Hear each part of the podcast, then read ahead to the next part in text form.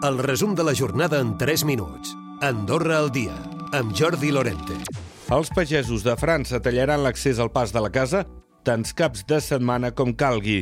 Esperen que aquesta pressió sobre Andorra arribi als despatxos de París, que fa temps que desatén unes peticions que també s'han fet seves a Europa.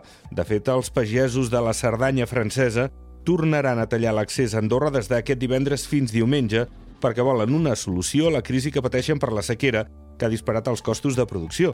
El portaveu d'aquests pagesos de la Cerdanya francesa és Cristian Tallant. Les reivindicacions que, que demanem és de ser ajudat per la secada que tenim eh, i el govern al dia d'avui no contesta, no ens diu res. Per tant, vam fer un segur eh, al mes, eh, al, en 2023 i el segur no, no, no està funcionant i, i per tant està un contracte amb, amb el govern francès. El Consell General ha aprovat el pressupost del 2024 amb l'abstenció d'Andorra endavant i el vot en contra de Concòrdia i el PS, un pressupost que prioritza l'habitatge, la sanitat i la qualitat de vida, segons destacava el ministre de Finances. Des del PS s'ha carregat contra el pressupost i també la manera de treballar-lo en comissió, sobretot perquè no s'havia acceptat la reserva d'esmenes sobre la negativa a aplicar l'augment de les pensions per a les persones que ja no viuen a Andorra demanen la col·laboració dels grups de l'oposició per portar la qüestió al Constitucional, donat que es necessita un mínim de cinc consellers per fer-ho.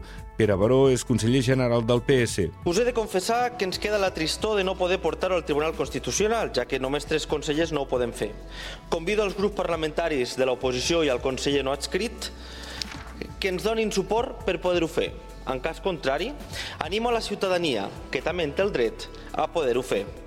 I també el Consell General ha aprovat aquest dijous l'augment de l'IPC dels salaris que es mouen entre el salari mínim i el mitjà, amb l'únic vot en contra del conseller Víctor Pintos. Conxita Marsol ha defensat l'intervencionisme perquè el diàleg entre patronal i sindicat no ha funcionat. La llei que regula les relacions laborals a Andorra ja preveu mecanismes de negociació laboral des de l'any 2008. I malgrat que la norma ha estat actualitzada, complementada amb d'altres, com la llei del 6 de desembre del 2018, la llei qualificada d'acció sindical i patronal, crec que podem concloure que no s'han assolit els objectius fixats. Els preus s'estabilitzen, així ho indica la dada d'inflació avançada que ha tancat el gener amb un 4,4. Són dues dècimes menys que el desembre. El que més ha baixat són els aliments, l'alcohol, la roba i el calçat.